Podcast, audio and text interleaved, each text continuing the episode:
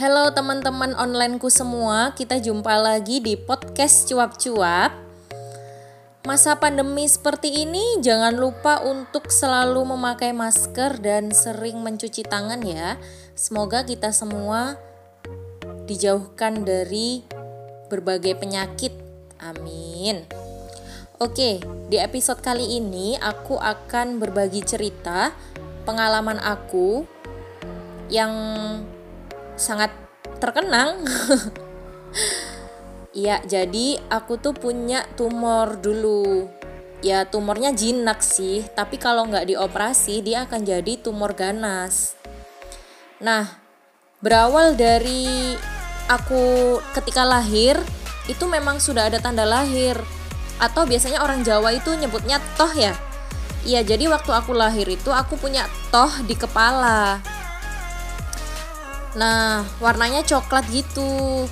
Bahkan dulu waktu kecil, saudara itu juga sering kayak buat guyonan gitu loh. Nanti kalau Lita hilang, nyarinya gampang nih, tinggal dicek itu di kepalanya ada tanda lahirnya apa enggak gitu. Nah, seiring berjalannya waktu semakin aku tambah dewasa, waktu SD gitu, toh itu semakin membesar. Jadi waktu aku SD itu tohnya itu udah kayak tai lalat yang gede itu loh. Dan warnanya tuh jadi hitam gitu. Nah waktu itu ya biasa aja. Mungkin dulu kalau ini sih aku lagi nari dari sekolah kan SD tuh suka nari ya. Waktu nari SD kan biasanya di rambutnya kan disanggul. Jadi tuh biasanya guruku tuh suka kecantol gitu kalau nyisirin karena emang ada yaitu tadi toh di kepala aku. Nah semakin gede semakin gede waktu lulus SMA tohnya itu sampai kelihatan gitu loh. Waktu aku pakai kerudung itu kelihatan benjol. Nah dari situ akhirnya aku bilang ke ibu aku dan ibu aku menyarankan langsung untuk ke dokter. Karena selama itu juga gak mengganggu gitu. Cuman emang waktu semakin gede itu ketika aku kayak kecapean kelelahan itu tuh tumornya itu kayak cenut-cenut. Nah dari situlah aku akhirnya udah mulai nggak nyaman. Dan akhirnya aku beraniin diri untuk periksa ke dokter. Nah waktu di dokter itu dokter diagnosanya adalah tumor jinak. Tapi memang harus dioperasi karena kalau nggak dioperasi itu bisa jadi tumor ganas.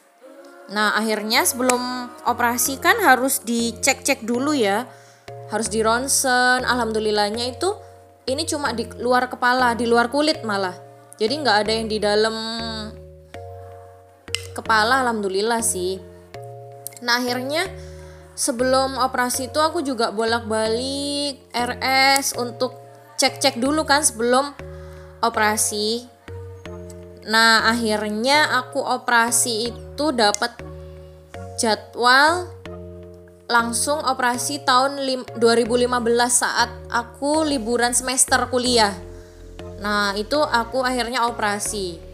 Nah, sebelum operasi itu adalah hal yang benar-benar Wah, Masya Allah harus nyiapin mental banget ya. Aku 10 hari loh di rumah sakit. Dan yang paling nyesek nih, karena karena tumor aku itu kan ada di kepala ya. Jadi sebelum operasi itu aku digundul guys. Bayangkan kita itu kan aku kan cewek ya. Jadi ketika dokter bilang wah ini harus digundul ini mbak, aku langsung auto nangis, nangis bener-bener nangis. Ya namanya rambut kan mahkota kita ya untuk cewek. Ya meskipun aku pakai kerudung tapi kan ya ya gimana gitu. Akhirnya aku nangis senang nangisnya ketika digundul. Tapi yang gundul ya ibu gua ibu aku sendiri sih. Gitu. Dan tibalah besok besok waktu operasi malamnya kan harus puasa. Puasa nggak boleh makan apa-apa baru besoknya operasi. Nah sebelum operasi itu juga aduh hati aku tuh deg-degan banget. Apa coba? Takut mati? Ya ya Allah masih muda. Terus abis itu ini apa namanya? Amalnya belum banyak. Aku takut mati tahu waktu itu. Bener-bener deh. Habis itu kan operasi udah udah ganti-ganti baju gitu ya. Ganti baju ganti baju putih-putih habis itu diinfus tangan habis itu masuk ke ruang operasi. Pas masuk itu kan pintunya dibuka jedek gitu ya. Nah AC-nya tuh dingin zet gitu. Ah hati aku itu langsung aduh nggak kuat mana itu lapar lagi. Malamnya kan nggak boleh makan jadi lapar. Ya udah habis itu masuk ruangan operasi. Terus ada dok dokter apa sih namanya? Nggak tahu pokoknya. Uh, aku tuh dikasih ini tangannya dijepit-jepit. Waktu mau operasi itu tangannya dijepit-jepit. Habis itu di dada itu kayak ditempel koyo-koyo gitu. Tapi nggak tahu itu apa sih namanya lupa aku. Pokoknya gitu. Habis itu ditanya ditanya-tanyain sih kayaknya biar mencairkan suasana gitu ya. Emang waktu itu aku deg-degan banget. Terus di, dokternya nanya e, kuliah mbak? Gitu. Iya dok. Gitu. Terus Islam. Iya Islam ya udah syahadat dulu gitu habis itu ketika aku syahadat belum selesai udah nggak nyadar udah tidur Habis itu operasi berjalan dari jam 12 siang sampai asar jam 3-an. Dan ketika udah selesai itu aku nyadarnya tuh kayak kayak ini loh, kayak orang bangun tidur tapi masih ngantuk banget gitu. Terus bangun-bangun tuh kayak ya dengar orang-orang di sekeliling tuh rame tapi aku masih kayak belum sadar gitu.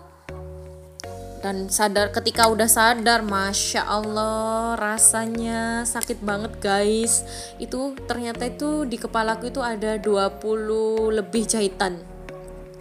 Sampai waktu selesai operasi itu ini dikasih selang di belakang di belakang kepalaku tuh dikasih selang. Mungkin karena darahnya banyak kali ya aku nggak tahu. Pokoknya pokoknya dikasih selang dan itu ya Allah rasanya nyut-nyutan. Padahal itu udah dibius gitu loh. Tapi aku tuh masih nangis-nangis. Karena saking sakitnya Masya Allah. Ya udah setelah pasca operasi tiga hari di rumah sakit langsung udah boleh pulang. Nah waktu pulang kan ya harus tetap kontrol kan? Sering kontrol bolak-balik rumah sakit. Dan waktu itu kan aku masih kuliah jadi beberapa kali tuh aku ini izin mata kuliah. Kalau aku harus kontrol ke rumah sakit kan harus nyesuaiin dokternya kan. Nah aku tuh insecure gitu ya. Maksudnya di rumah sakit kan biasanya orang tua-tua ya tapi aku tuh masih muda terus punya penyakit yang ya yang harus sampai operasi gitu kan. Aku sempat insecure waktu itu dalam hati tuh ya Allah kenapa aku yang dikasih yang dikasih cobaan seperti ini? Gitu loh ya namanya juga manusia ya. Ya aku tuh sempat mikir kayak gitu. Nah suatu hari aku tuh kontrol kan ke rumah sakit. Nah aku tuh ketemu ibu-ibu di lobi. Si ibu tuh nanya aku kontrol mbak? Iya bu. Gitu. Sakit apa mbak? Aku bilang kemarin habis operasi bu. Ini ada tumor di kepala. Gitu ibu sendiri sakit apa? Ibunya itu sambil lemes di di atas kursi roda terus beliau tuh bilang ini mbak ada benjolan mohon maaf ya di anus. Ini ini sampai berdarah-darah saya aja pakai pampers gitu. Langsung ya auto di tempat itu juga dalam hati aku tuh langsung ya Allah alhamdulillah ya Allah ternyata penyakitku itu cuma cuma kayak gini ya Allah kenapa aku tuh kemarin ngeluh-ngeluh gitu loh ya? Memang seperti itu kita tuh kalau nggak nggak melihat orang lain yang lebih itu lebih menyedihkan lah ya ibaratnya itu kita nggak akan bersyukur gitu loh. Jadi ya waktu itu aku langsung auto ya Allah alhamdulillah ya Allah ternyata penyakitku itu nggak parah-parah banget dan ya alhamdulillah engkau berikan kelancaran dalam operasi dan sampai aku bisa ya ya udah menghilangkan penyakitku gitu ibaratnya kan? Jadi benar-benar setelah kejadian itu waktu di rumah gitu aku juga ya meskipun masih sakit ya kepalaku tapi di situ emang aku benar-benar alhamdulillah gitu loh. Benar-benar Allah itu nggak akan menguji hambanya kalau hambanya itu gak mampu. Eh eh bukan gitu bukan gitu Allah itu bakalan menguji hambanya sesuai dengan kemampuannya gitu loh. Jadi emang bener-bener ya Allah bener-bener ibu itu tuh jadi pelajaran aku banget. Yang sampai sekarang aku inget padahal itu udah beberapa tahun yang lalu. Ya emang kadang kala gitu kita belajar dari sekitar kita. Dan ya alhamdulillah sampai sekarang aku juga mensyukuri meskipun sekarang tumbuh rambut aku di kepala itu tidak sempurna tapi alhamdulillah sekarang masih diberikan sehat walafiat ya mungkin itu aja sih cerita dari aku agak belibet ya kata-katanya ya maklum udah lama nggak bikin podcast ini jadi agak agak gimana gitu Ya, jadi begitu teman-teman. Kita harus tetap percaya sama Allah. Memang di dunia ini di dunia ini itu kan ya ya banyak cobaannya gitu. Masalah itu pasti ada. Tapi ingat Allah itu pasti menguji hambanya itu ya sesuai dengan kemampuannya. Gak mungkin Allah itu menguji di, di batas kemampuan orang tuh nggak mungkin.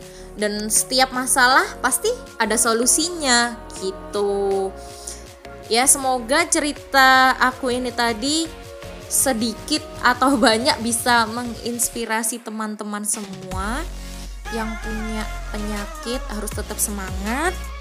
Ya sehat-sehat harus juga jaga kesehatan ya.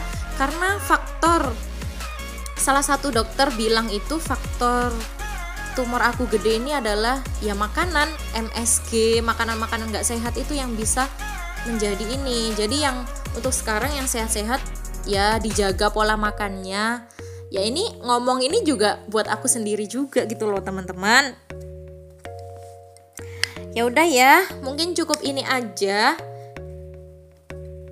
Semoga menjadi celotehan yang bermanfaat. Sampai ketemu di episode selanjutnya. Dadah.